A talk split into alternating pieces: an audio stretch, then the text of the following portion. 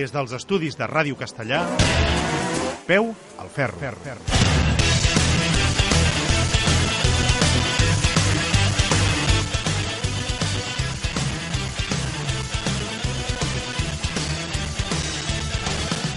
Benvinguts una setmana més a Peu al Ferro, el magazín de motor en català. Ja s'ha acabat el Dakar 2017 i ja coneixem els campions. Un Dakar que ens ha deixat la que probablement ha estat l'edició més interessant de totes les disputades al continent sud-americà i on un any més l'Stefan Peter Hansel, Messier Dakar, engrandeix la seva llegenda amb el 13è títol del rai més difícil del món. 6 més 7. Fàcil de dir, però gairebé impossible de superar.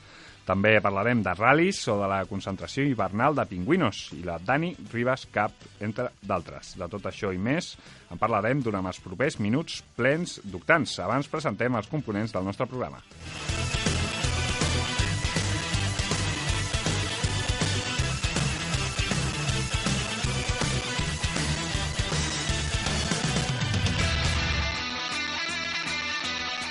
Ha arribat de terres de nord-americanes. Tornem a tenir amb nosaltres la veu del motor en català, l'home que xixiueja els motors, el Jorge González. Hola.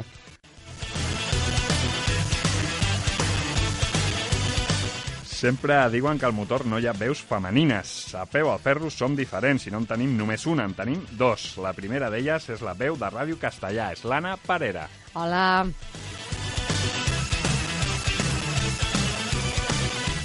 Arribada des del cor de Girona, la nova veu del motor català, la nostra experta en motociclisme, la Patri Trapero. Hola.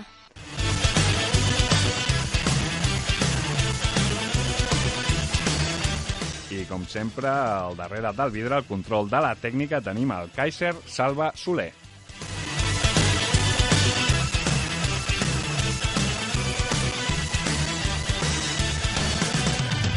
Una setmana més amb la benzina a les venes qui us parlarà durant els pròxims minuts de motor. L'Albert Sant Andrés, com sempre, amb el peu al ferro.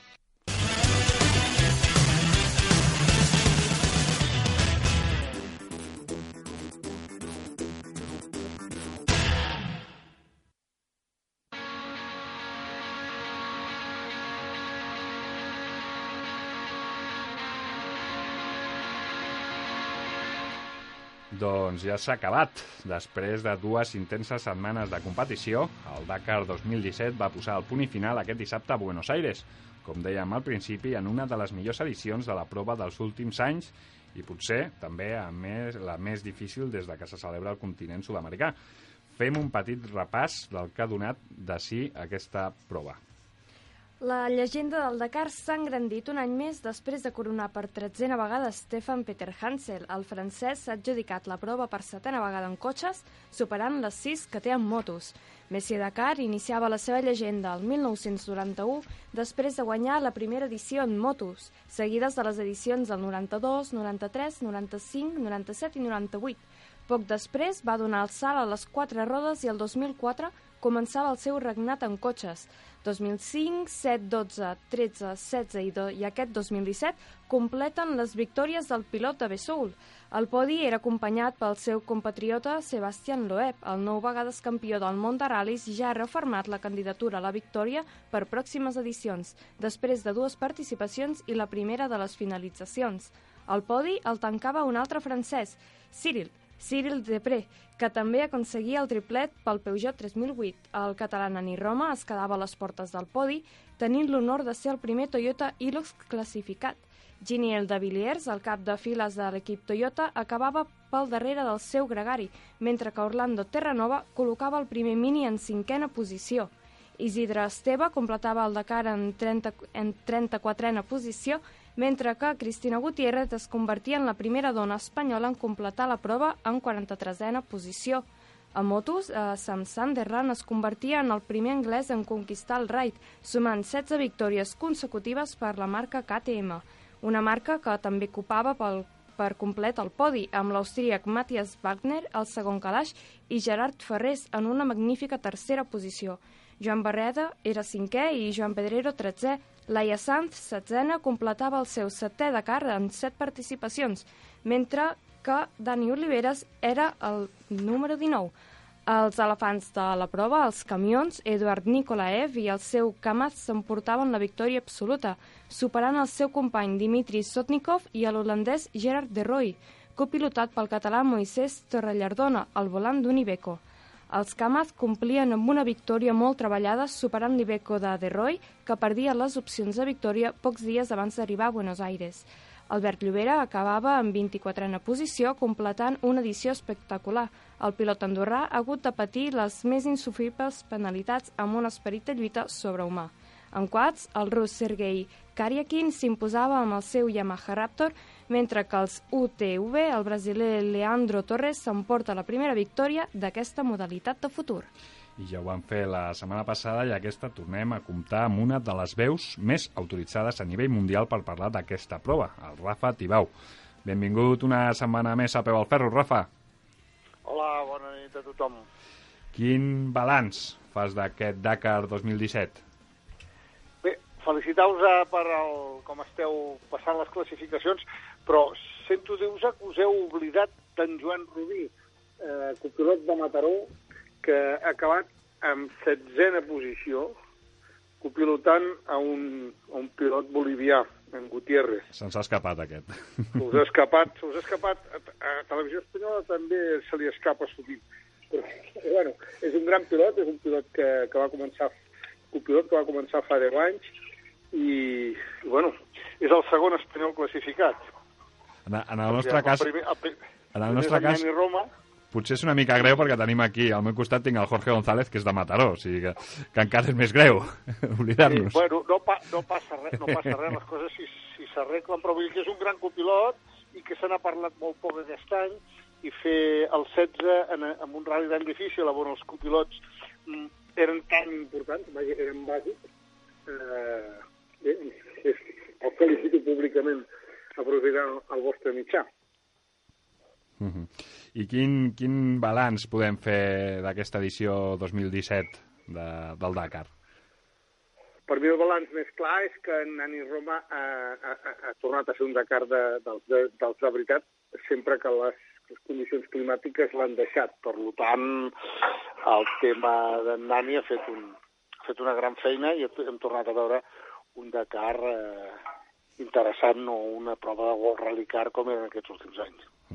De fet, ha estat el, el primer Toyota Hilux classificat pel davant, fins i tot el, el favorit en aquesta escuderia, que és el Giniel de Villiers, i pel darrere dels tres eh, Peugeots que semblen invencibles, de fet.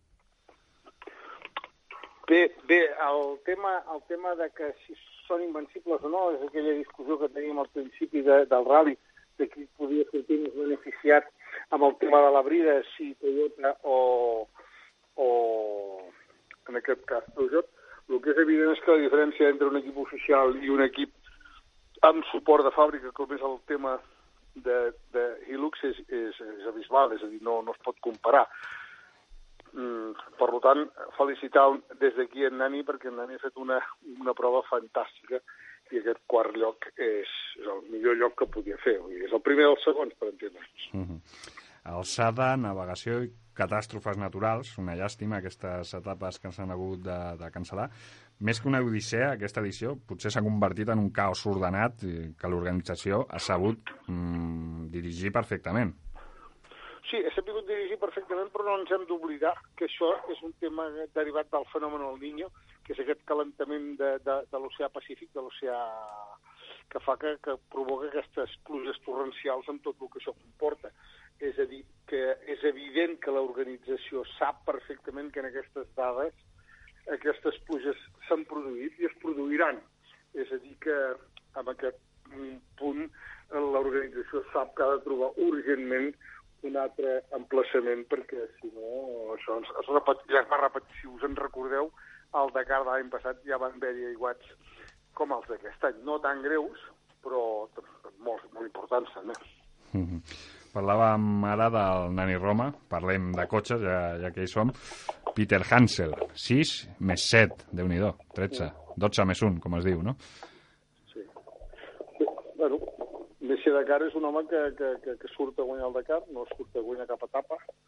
És un home que ho té molt clar, que, que en sap molt, i que a més és un senyor, perquè reconeix que aquest any la victòria l'ha tingut perquè va tenir sort o mala sort en el Loeb quan va punxar la roda en la, en la, el, penúltim, el penúltim dia, no? Vull dir que, bueno, per això, per això és un senyor, no? Mm. Perquè reconeix que guanya eh, quan, quan la sort l'ha tinguda de cara. Per tant, jo sóc una, un admirador d'en de, Stefan Peterans. Mm. Sebastián Loeb, que també ha, ha posat la seva candidatura de cara a properes edicions amb aquesta primera edició sens, que ha aconseguit acabar. Sens dubte, sens dubte, sens dubte. Jo, jo em sembla que viurem una etapa l'OEP en els pròxims anys, sense cap dubte. -huh.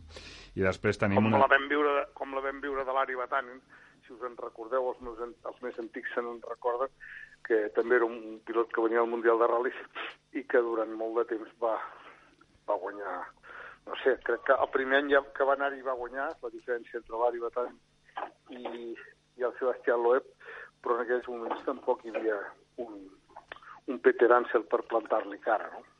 Uh mhm. -huh. Però bueno, jo em sembla que serà un pilot que, que, té, que té molt a dir, té molt a dir aquests, aquests pròxims anys en. Uh mhm. -huh. Ja potser hem de fer una menció especial per l'Isidre Esteve, que ha quedat en 34a posició, per, per, per com ho ha fet, no? Ha tornat al Dakar i ha tornat a acabar. Sens dubte, sens dubte. L'Isidre ha estat un redebut per ell, eh, el fet de tornar a competir, realment a competir. L'altra vegada que va anar-hi va, va, era molt aviat després de l'accident que havia tingut el Rabi del Manfora quan es va trencar l'esquena i el va deixar sentat a la cadira. Eh, si el veu veure per les imatges de televisió, plorava d'emoció, és a dir, eh, ha fet un gran esforç fet un esforç espectacular i jo crec que tots, quan el veieu, l'heu de felicitar perquè el que ha fet l'Isidre és, és fantàstic. Uh -huh. Del mateix nivell que el que ha fet el que, el que ha fet l'Albert Llobera amb, amb, les, amb unes condicions molt similars, però en comptes de portar un camió, que ha fet portar, ha portat el camió al, amb 24 posició eh, a Dakar. Des d'aquí també una felicitació molt forta a l'Albert Llobera. Uh -huh. Eh, tenim també en 43a posició a la Cristina Gutiérrez, la primera dona espanyola que aconsegueix acabar el Dakar en cotxes. Home, la Cristina, la Cristina La Peque, com la va batejar el Xavi Díaz, el mestre de, de periodistes, eh, ha fet un rally que no s'ho creu ningú. Ho ha fet amb una intel·ligència impròpia dels seus 25 anys, eh, gestionant la carrera d'una manera intel·ligent, clara, volent arribar, una maduresa que és difícil tenir-la en la teva primera participació. Ja l'he felicitada cada dia, però des d'aquí ho torno a fer. Uh -huh. I per tancar el capítol dels cotxes, el cotxe elèctric de, de l'Ariel Hatton, aquest, aquest cotxe que ha acabat, ha aconseguit acabar el Dakar, és la nova era d'aquest esport, els elèctrics? Perquè si sí, han demostrat potser que acaben... De, de, no estic prou qualificat per parlar d'aquest tema, no en sé prou. Eh, sí sé que va ser un projecte començat per l'Albert Bosch, que és un pioner amb això, que és un home que ja que ha fet l'Everest, que ha fet, que ha fet l'Antàrtida a peu, és a dir, que ha sigut un líder i, i d'alguna manera és el que va obrir el camí i ara qui s'ha portat una mica la glòria d'arribar era el que era el seu mecànic. Mm, prefereixo no opinar d'aquest tema. doncs deixem els cotxes i passem a les motos. A victòria del, de l'anglès Sam Sunderland, també el primer anglès que guanya en motos, Matthias Wallner i aquesta sensacional tercera posició del Gerard Ferrés. Estratosfèrica, no sensacional, estratosfèrica. El que ha fet, el que ha fet en Gerard és una cosa dificilíssima de fer, perquè aquest sí que s'ha ficat al pòdium amb una moto no de fàbrica. És a dir, el que ha fet el Gerard és d'una gestió de carrera espectacular, és un home que li paga eh, aquest esforç que ha fet durant els últims anys anant amb mecàniques inferiors.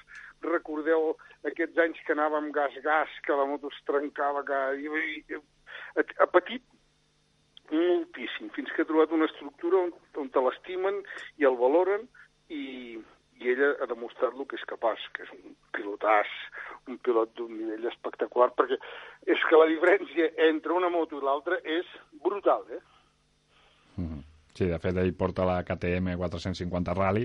I els... porta una carrera client, ell porta ah, exacte. una moto que tu pots anar a KTM, amb 35.000 euros compres la moto i te l'emportes, ja està. Mm -hmm. Tan senzill com això. Aquí s'ha acabat.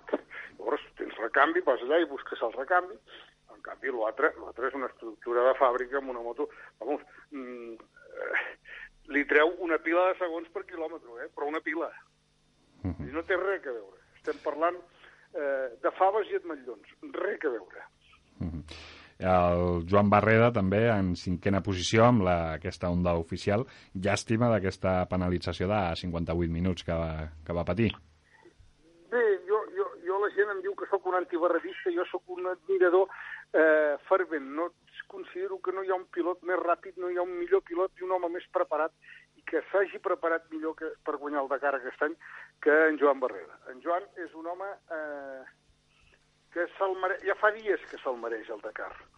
I ha guanyat 17, 17 etapes i el millor resultat que ha fet és un cinquè. Eh, té un problema d'estructura, té un problema de mànagers, té un problema de direcció a casa seva que, i que s'ho ha de fer mirar perquè així no guanyarà mai. Déu nhi déu I després, per, per anar acabant el capítol de motos també, Laia Sanz, eh, set participacions, set finalitzacions. De la Laia ja s'ha dit tot el que es podia dir, és a dir, és un, ella no li agrada que se li digui dona, ella no li agrada que se... Evidentment és una dona, eh? però vull dir que ella vol que se, se, se, quan ens referim amb ella ens hi referim com a pilot, que és el que és un grandíssim pilot. -huh. Ho deia l'Armand Monleó en l'últim programa a Teledeporte, que el vam tenir de convidat, que deia que manté una velocitat de creuer mitja eh, espectacularment alta. Uh -huh. I estic 100% d'acord. Sí, sí, aquestes alçades ja potser la, la Laia ja, ja ha demostrat el, el que ja no, ja no, no, el que no, pot no la descobreix ningú. Sí, exacte. Fet Dakar s'ha acabat fet vegades, dintre amb les classificacions que ha fet, les firma qualsevol, és a dir, les firma qualsevol que vagi de pressa, molt de pressa. Jo l'any passat explicava que estava veient unes imatges, amb, no d'aquest any, eh, de l'any passat, i es veia un tio que venia rapidíssim, amb una finura, un flow que diuen els pilots, i quan acosten, acosten la imatge, i era la Laia, no? La Laia condueix com els àngels. Mm -hmm. Sí, sí. Doncs passem als camions, la, la part que potser més t'agrada, no?, d'aquest sí, realitat. La que, que, més, la que més m'agrada. Exacte. Perquè és la que més he fet. Exacte. Amb la victòria de l'Edward Nikolaev i aquesta esquadra Kamaz, aquesta missió d'estat, com parlàvem la, la, la setmana sí, anterior. L'altre dia en parlàvem d'això, no? Sí, exacte, que, que al final ho han aconseguit, han passat al Gerard de Roy. Sí, sí ja, ja vam, vam encertar la porra, eh? Te'n recordes? Sí, sí, sí. I en aquells moments el de Roy anava davant i ja vam dir que, que li seria molt difícil aguantar la pressió dels llops, i així està. Mm -hmm. Una altra, una altra de les coses, bueno, el Gerard de Roy, que ho hem dit abans, que està copilotat pel Moisés Torra Llardona. Mo, Mo, Moi Torra Llardona, sí, sí, un, un català. que abans havia estat copilot d'en Pep Vila, i, bueno, un, un copilot. Espanya, Espanya està donant un nivell de, pilot, de pilots espectaculars, uh mhm. -huh. a tots els nivells. En totes les categories hi ha, pilot, hi ha copilots espanyols a davant. Uh mhm. -huh i ja ho comentaves abans, però estem als camions i toca dir-ho, que és l'Albert Llobera, 24a posició, i el Dakar acabar. Impressionant tot el que ha patit. Llobera, Albert Llobera és un tio, és un, jo dic sempre que és l'heroi dels meus fills, no? És a dir, és el tio que més admiren els meus fills. I perquè jo els hi he transmès això, perquè jo també és, és una de les persones a nivell global que més, més estimo i més, i més admiro, no? Perquè amb la, la té, una, té, té una paràlisi molt alta, té, té molts problemes d'espasmes, ha passat amb l'alçada se li han agreujat, eh, realment ha patit com un boig, com un boig, i en canvi té una força, una voluntat, i, i ja se li diu el somriure del Dakar, eh? Vull dir, és un tio que, és, a més de patir el que pateix, sempre està rient, sempre està somrient, és a dir, bueno, no sé com dir-t'ho. Sí, sí, és, és impressionant el que ha fet Albert Llobera aquest, aquest aquesta Dakar. És la veritat, aquesta és la veritat. De fet, ja... Aquest, l'anterior i l'anterior. Sí, eh? sí, sí, totes les participacions, de fet, sí, sí. O sigui que jo els he acabat totes tres, vull dir que, francament, xapó, xapó, xapó per. Mm -hmm. sí. I no us oblideu que porta el meu, el meu ex-copilot, que és el Charlie Gottlieb, que va fer vuit Dakars amb mi, i que estic molt content i el meu ex-soci és el Sujit Das, que és el seu mànager, és a dir, que tot queda a casa. Sí, sí, sí. Passem als quads. Què podríem destacar d'aquesta d'aquesta categoria? Que són molt valents. Exacte. Que són molt valents. que són francament valents, perquè no són, tenen totes les desavantatges de la moto i tots els desavantatges del cotxe. Eh, no sé, és un, és un tema que segueixo pensant que no, que no, no, no, no, bueno, els, els, els sud-americans els, els dominen molt, en saben molt i van molt, i, i ja està, però vaja, jo no entenc com ho fan, però i, i la veritat és que tinc pocs referents tècnics per parlar d'ells, però sí que tinc una profunda admiració per ells. -huh. I acabem amb el UTV, aquesta categoria, una categoria potser de futur, també potser sí, amb els desavantatges dels quads, però una categoria no, potser de futur, sí, és una categoria de futur, això sens dubte és una categoria de futur, perquè seran assequibles. Avui, avui el pressupost per fer un Dakar amb, amb un cotxe és estratosfèric.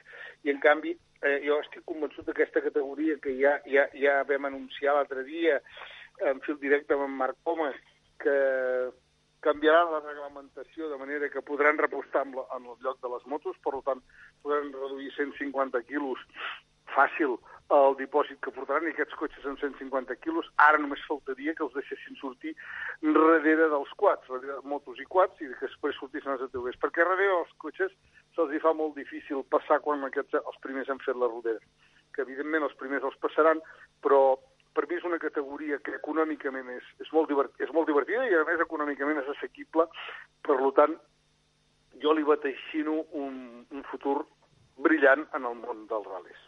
Mm -hmm. uh, haurem d'esperar, per això haurem d'esperar una mica al futur a veure què, què ens porta amb aquesta categoria, que sembla molt interessant. Han acabat cinc vehicles d'aquests uh, amb la victòria del brasiler Leandro Torres i sembla sí. que, com dius, és una categoria que, que pot, pot donar-nos moltes alegries en, en un futur. Moltes, moltes, moltes. Mm -hmm. Doncs Rafa Tribau, no trobem més temps. Mm, com sempre et diem, moltes gràcies per estar aquí, per explicar-nos aquest Dakar més des de dins el que el coneixem nosaltres, perquè és un plaer, clar, evidentment, poder comptar amb la teva ja experiència. per mi és un plaer parlar del Dakar i un plaer parlar amb vosaltres, o sigui que sempre que vulgueu. Doncs esperem parlar aviat amb tu una altra vegada. Molt bé. Vinga, Moltes gràcies, Rafa. A tothom. Gràcies. Una abraçada. Adéu-siau. Bona nit.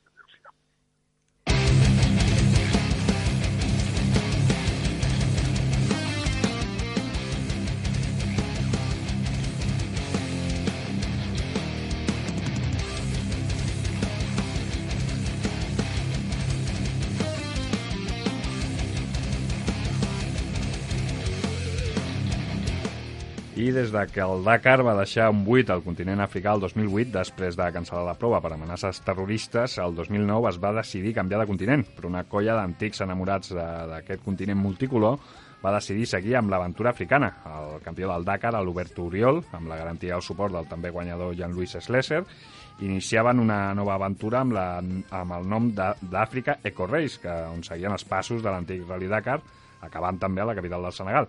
Aquest any, del 2 al, 4, del, del 2 al 14 de gener, els competidors van seguir els passos del Thierry Sabin des de Mònaco a Dakar. Efectivament, aquesta Àfrica Eco Race, que segueix els passos del Rally Dakar africà, ha acabat ja l'edició 2017 a la platja del llac Rosa de Dakar. En motos, el guanyador ha estat el noruec, el Pal Anders Ujeval Seter, seguit per l'israelià Gev Sela, que ha estat segon, i l'italià Paolo Sessi, que ha tancat el podi. A la banda dels cotxes, el calaix se l'han repartit entre tres pilots francesos, amb Guillaume Gómez emportant-se la victòria, amb el Pasqual Tomàs en la segona posició i Jean-Anton Sabatier a la tercera. Així doncs, queda tot enllestit per l'edició 2008, de la que ara per ara és l'autèntica carrera cap a Dakar.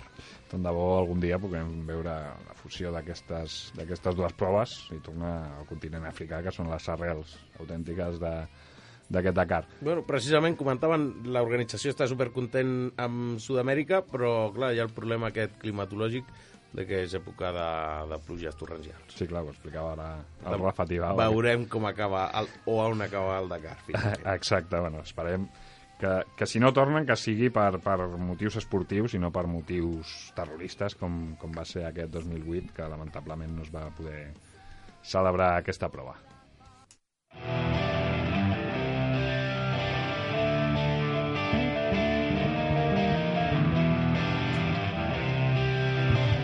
Doncs després de dos anys sense celebrar-se la concentració hivernal més important i multitudinària d'Europa, ha tornat als seus orígens i aquest cap de setmana 22.536 motors van reunir-se al nou espai habilitat a l'antiga hípica militar del Pinar, del Pinar de Antequera de Valladolid. Parlem de pingüinos.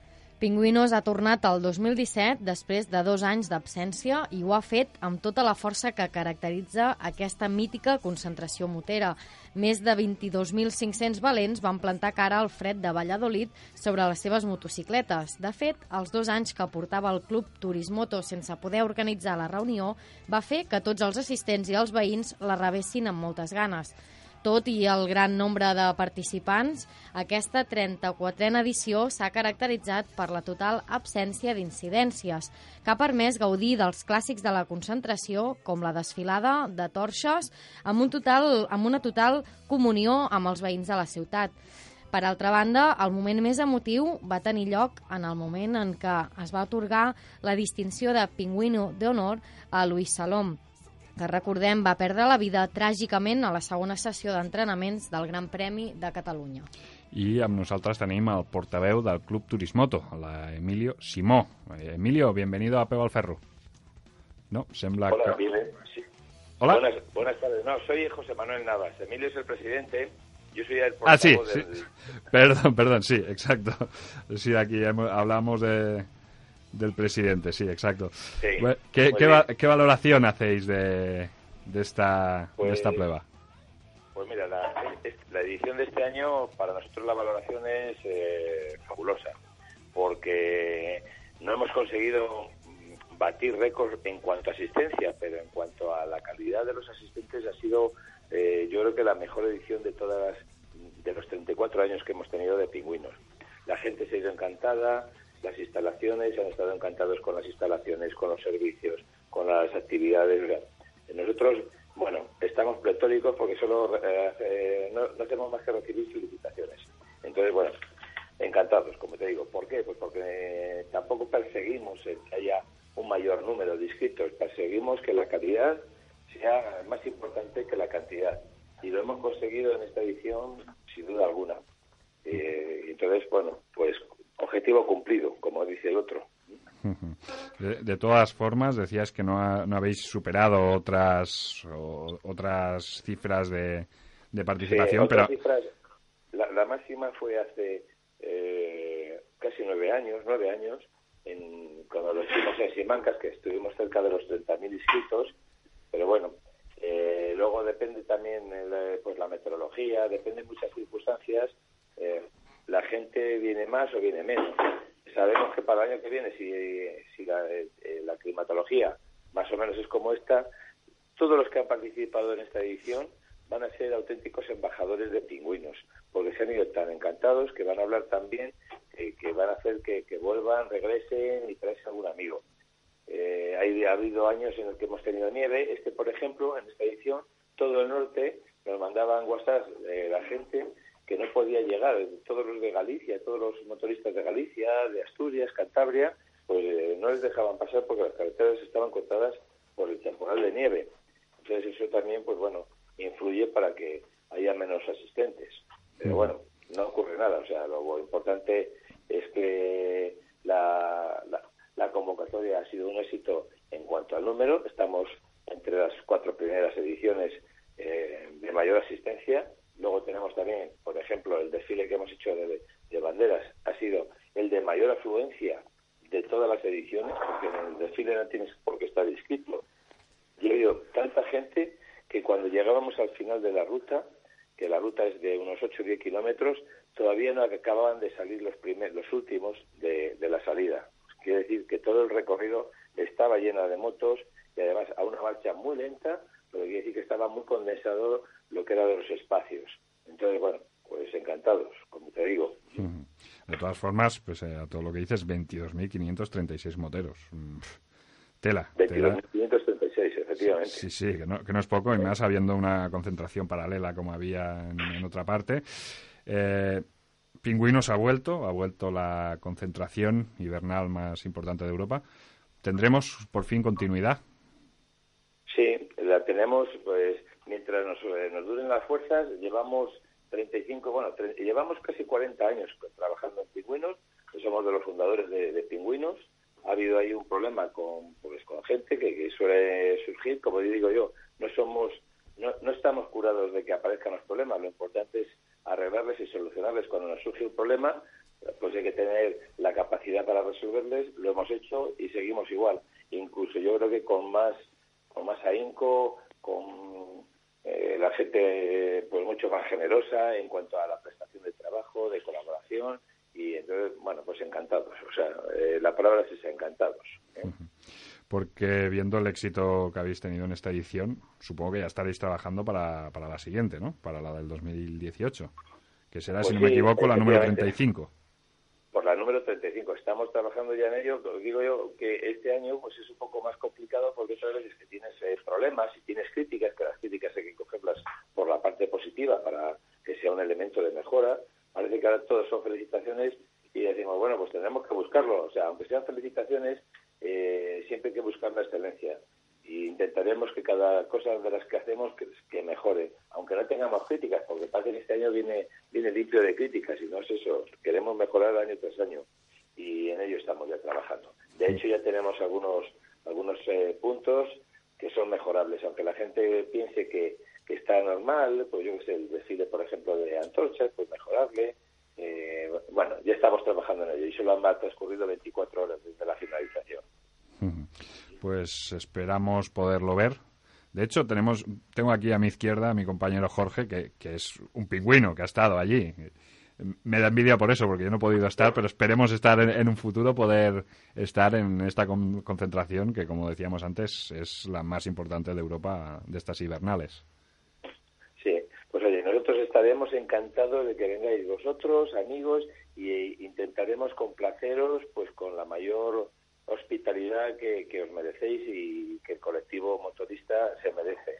Eh, en esta edición, el colectivo como tal ha demostrado una seriedad, ha demostrado una educación, una camaradería y un compañerismo inigualable con cualquier, con cualquier eh, colectivo. El civismo ha sido desbordante. Entonces, bueno, yo creo que estamos orgullosos de ser motoristas todos. ¿eh? De, de hecho, al hilo de lo que dices, han salido noticias incluso de gente que iba a la concentración que, que ayudaron. No recuerdo bien, bien cómo era la noticia, pero que ayudaron por el camino a alguien que tuvo un problema.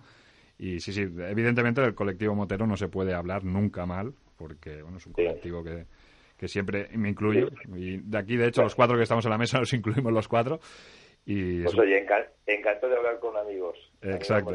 Nosotros también. la, eh, la- la noticia, la noticia que estás contando pues, pues fue que pues, co- concretamente un, un coche atropelló a una abuela con su nieta y el coche se dio a la fuga. exacto, sí, y, ahora. y entonces eh, eh, había un par de motoristas, concretamente dos hermanos, la novia de uno y otro más, eh, que lo que hicieron, en vez de mirar para otro sitio, como está, parece que estamos acostumbrados últimamente a hacerlo, se la siguieron a la persona esta que les atropelló y se dio a la fuga hasta que la, la pillaron y le detuvieron la policía. Y de hecho les ha detenido la policía, ha pasado a disposición policial y demás. Pero quiero decirte que eso es un acto de civismo que si lo hiciéramos así siempre todos, bueno, pues esto nos cantaría de otra manera a, to- a toda la sociedad. Eh, ejemplo, Exacto. ejemplo a seguir. Sí, sí. Pues José Manuel Navas, te, pe- te pido disculpas por haberte presentado mal. Ha sido un fallo mío No, porque, no hay ningún problema, como no esta tarde hemos problema. hablado con, con Emilio Simó, que, eh, he cambiado los nombres. Te pedimos disculpas Nada. por, por, por esta equivocación y esperamos volver a hablar contigo. A ver si puede ser el año que viene en persona allí No, en no ocurre Pingüinos. nada porque al, al final todos somos uno, somos Exacto. un equipo que lo importante. Así, eh, como persona no, no contamos nada. Aquí contamos cuando se forma el, el equipo y se consigue eh, unidos todos. Entonces da lo mismo que sea Emilio, José Manuel, Luis, o sea, da lo mismo. ¿eh? Eh, somos todos uno y eso es lo importante. ¿eh? Ese es el espíritu, Tiene, tiene- el tiene espíritu que hablar motero. uno porque tiene que hablar uno, pero Exacto. hablo en nombre de todos ellos. Pues encantados de escucharte y esperamos ya con impaciencia esta edición 2018 de Pingüinos, que como te digo, a ver si podemos estar allí, a ver si no- nos convencemos los cuatro y nos vamos para allí. Pues algo habrá que hacer para estar ahí. ¿eh? Exacto. Encantados de recibiros. Exacto, muchas gracias. Y seguro que, que compartiremos una cervecita, un caldito o algo juntos y seguro que, que nos lo pasamos bien. Segurísimo. Seguro que sí. Pues muchas Pero, gracias, José Manuel. Venga, a vosotros. Hasta luego.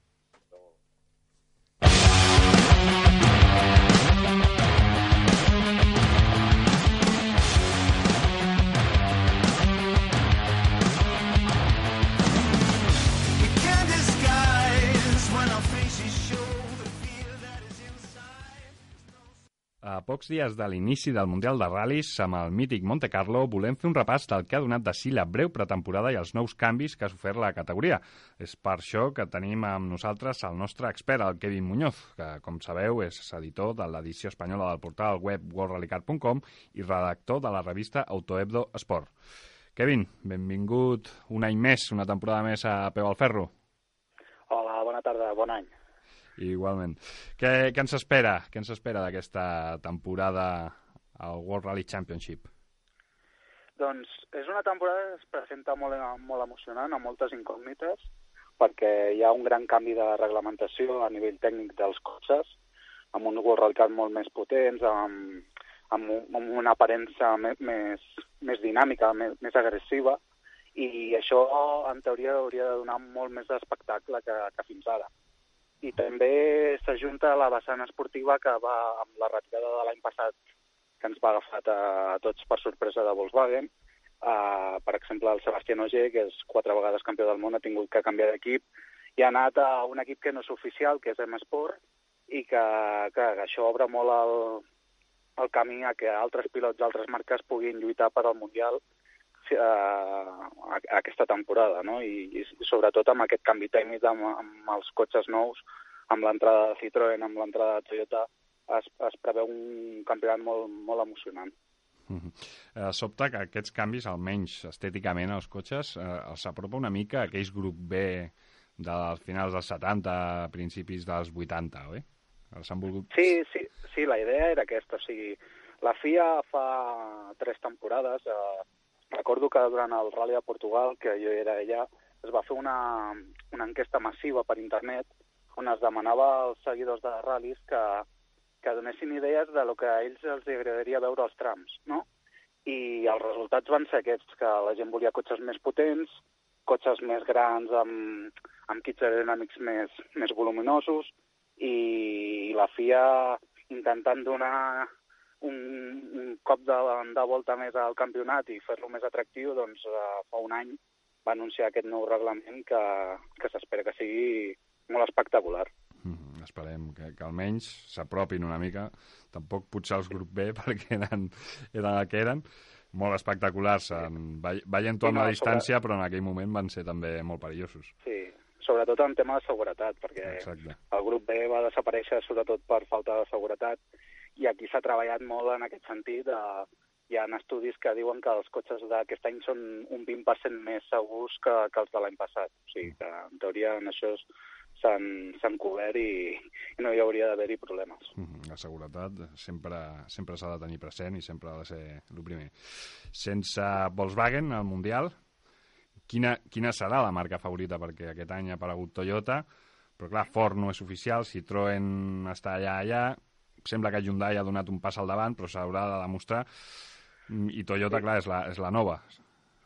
Sí, és la gran incògnita d'aquesta temporada, eh, després de la retirada de Volkswagen.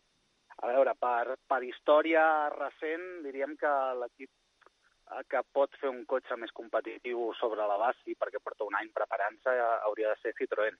Però clar, jo crec que l'equip francès li falla potser a l'alineació de pilots. Té el Chris Mick, que és un pilot competitiu, que pot guanyar ral·lis, ha guanyat tres ral·lis del Mundial, però l'equip el completen el Craig Brini i l'Estefan Lefebvre, que són dos joves pilots amb, amb molt de futur, però que encara no han demostrat gran cosa al, al Mundial, no? I potser per equip, per, ja per, uh, per trajectòria dels últim, de les últimes temporades, per pilots, uh, la formació més, més en forma seria Hyundai, ja que mantenen els tres pilots, tenen el Neville, el Padon i el Dani Sordo, que és un equip molt compensat, que són tres pilots que poden anar ràpid a qualsevol superfície, i amb l'experiència de les últimes temporades, que ja han estat i han estat amb l'equip Hyundai, jo crec que hauria de ser l'equip a batre, en, almenys en aquest inici de campionat. I després hi ha l'altra banda, que és a Sebastián Ogier, que, que se l'ha jugat tot anant a M-Sport, que és un equip semi, semioficial, perquè no, no té, no té la, el suport de, de Ford, però que sempre ha fet bons cotxes i que amb, amb el talent que té el Sebastián Ogier, que sempre diem que està un, una passa per davant de tots, segurament estarà lluitant per, per les victòries.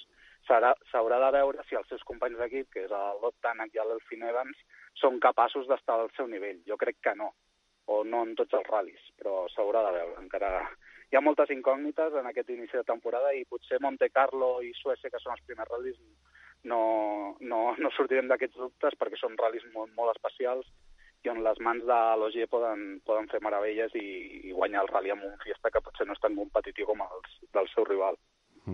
De fet, eh, s'ha de dir, ara mesos després que, que ens ho vas avançar aquí, no? que, el, que l'Ogier segurament fitxaria per fort i vas encertar, sí. o sigui, anaves molt ben encaminat.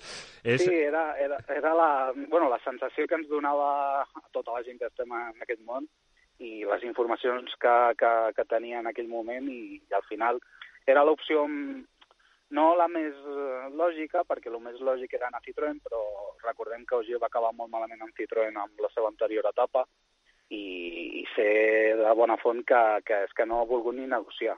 I, i clar, l'única opció que tenia era Toyota, que és un cotxe que està per veure si, si serà competitiu, sembla que no, eh, de principi, i després era l'opció de, de Ford amb M-Sport, que, tenir una garantia tècnica perquè M-Sport sempre ha fet cotxes bons i, i, i que li poden donar l'opció a poder guanyar el seu cinquè campionat. Mm. Perquè serà Auger la, la, la, aquesta garantia? Serà per fort? Ja no per guanyar el títol, potser, perquè potser ho, pot, ho poden tenir lluitat, però, però per guanyar almenys curses?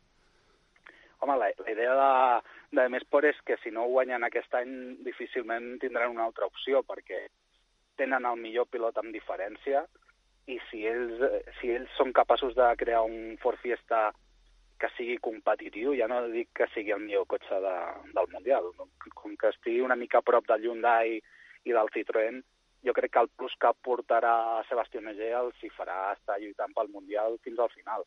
Clar, eh, venim de quatre anys de domini de Volkswagen, d'Ogier amb Volkswagen, i no hem vist a amb un cotxe que no sigui tan competitiu ni que sigui tan fiable, perquè el Volkswagen al final en quatre anys es va retirar tres cops als polos per, per problemes mecànics.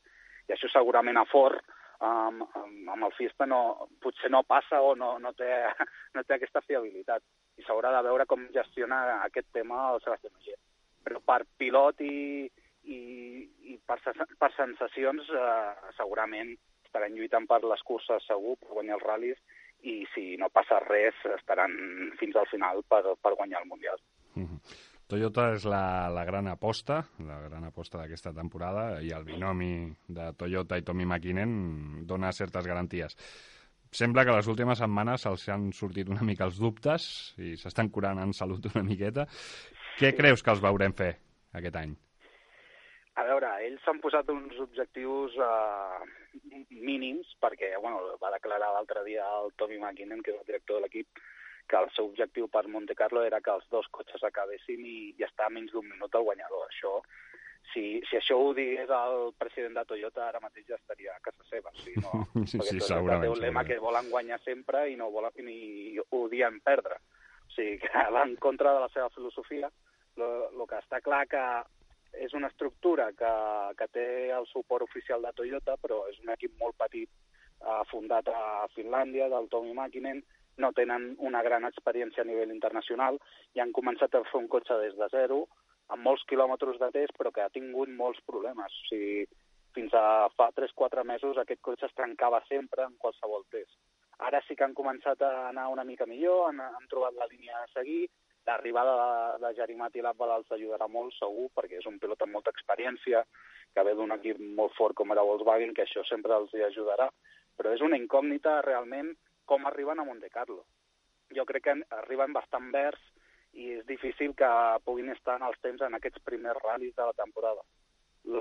L'única cosa bona que tenen és que és un equip molt gran, on els calés no faltaran, i uh, el, el, desenvolupa, el desenvolupament continuarà durant tota la temporada i potser serà la segona part de l'any on Toyota sí que pot començar a lluitar per les victòries i pels, i pels podis.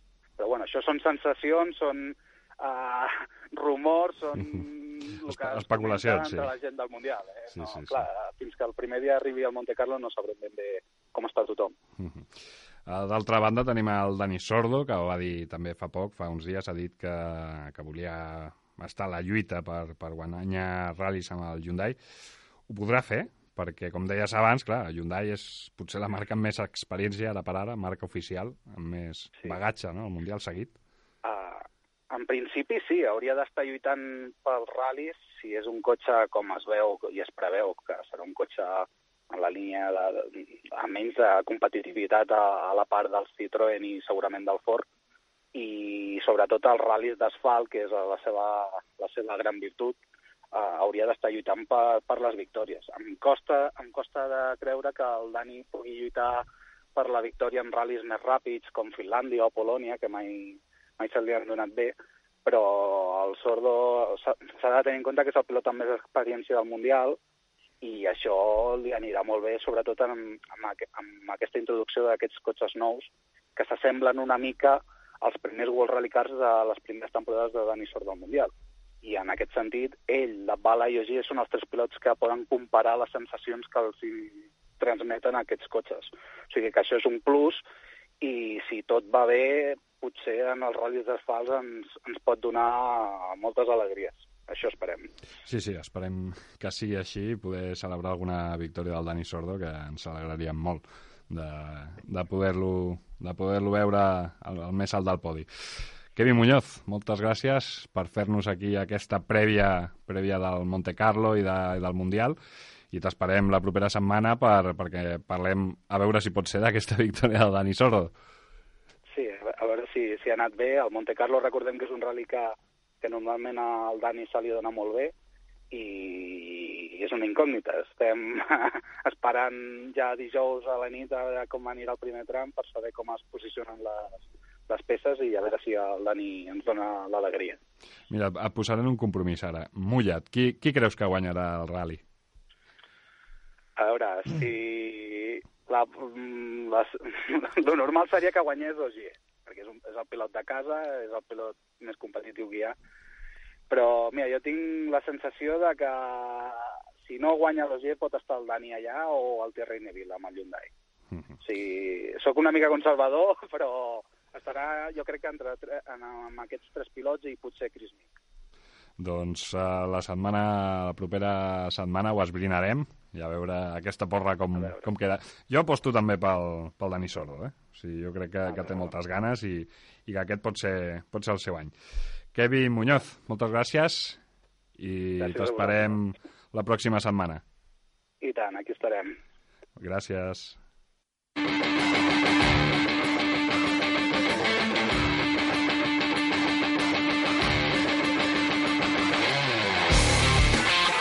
Doncs passem als breus, les notícies breus, i comencem amb Fórmula 1, ja que Valtteri Bottas eh, ja ha confirmat el fitxatge amb Mercedes i Pascal Verlaine a Sauber.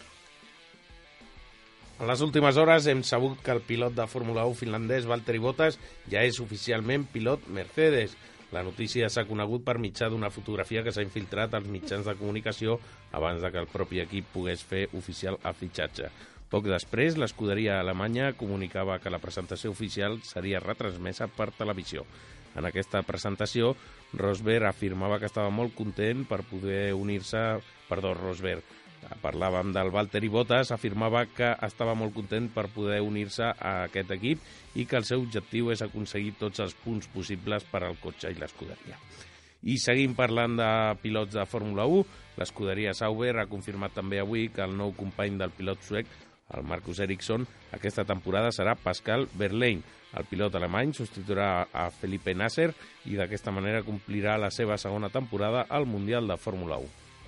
T'ha traicionat una mica el subconscient, eh, amb el Rosberg? M'ha traït aquí el, el subconscient. doncs seguim, ja que Sir Stirling Moss, un dels mítics eh, pilots de la Fórmula 1, es recupera d'una afecció pulmonar. Doncs sí, Stirling Moss, la llegenda britànica de Fórmula 1 de 87 anys, s'està recuperant a un hospital a Singapur d'una infecció pulmonar greu. Segons han explicat els metges, l'estat de salut de Moss és estable, però porta ingressat des del 22 de desembre. L'expilot britànic, com a curiositat, se'l recorda com a campió, el campió sense corona, ja que mai va arribar a ser campió del món, tot i guanyar 16 carreres i obtenir 4 subcampionats. Esperem des d'aquí, l'enviem tota la nostra força a aquest mític, el Stirling Moss, eh, que, com deies, no va guanyar cap campionat mai. I un any més, per acabar, el Monte Carlo històric sortirà des de Barcelona. Enguany, 105 equips creuaran el podi de sortida que s'ha instal·lat al moll de la Marina on s'iniciarà un periple de 6 dies de competició.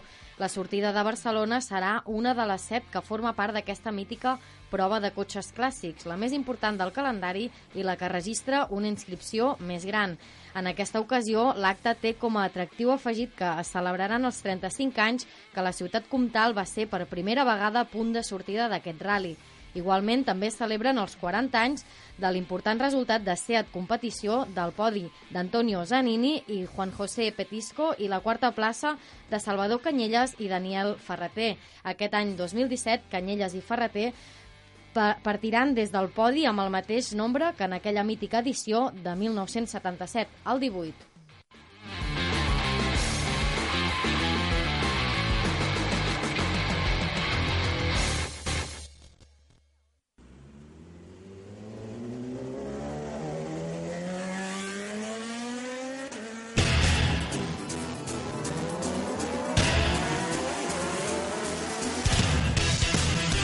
I aquesta setmana comencen les emocions fortes, així que l'Anna eh, ens porta l'agenda setmanal, que és una mica curta. Doncs sí, de fet, doncs, eh, expliquem que el Mundial de Ral·lis doncs, donarà el tret de sortida de la temporada el dia 19. Així comença el Mundial 2017 amb la 85a edició del Rally Monte Carlo fins al dia 22. I no tenim gaire, gaire cosa més, desgraciadament.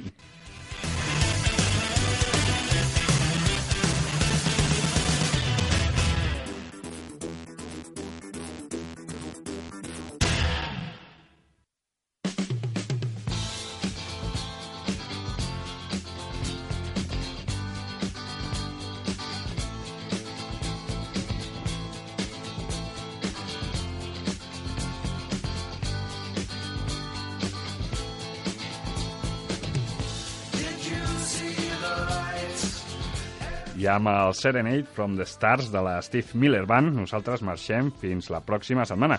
Recordeu que ens podeu tornar a escoltar el nostre podcast, que el trobareu a la pàgina web peualferro.cat o a qualsevol plana web de les nostres emissores. Estem a facebook.com barra peualferro i a Instagram i Twitter amb l'usuari arroba peualferro. A la locució tenim a la Patri Trapero, al Jorge González i l'Anna Parera, i al control de la tècnica el Salva Soler. A la producció i conducció, qui us parla, l'Albert Sant Andrés. Bona sort i peu al ferro. Adeu. Adeu. Wake up.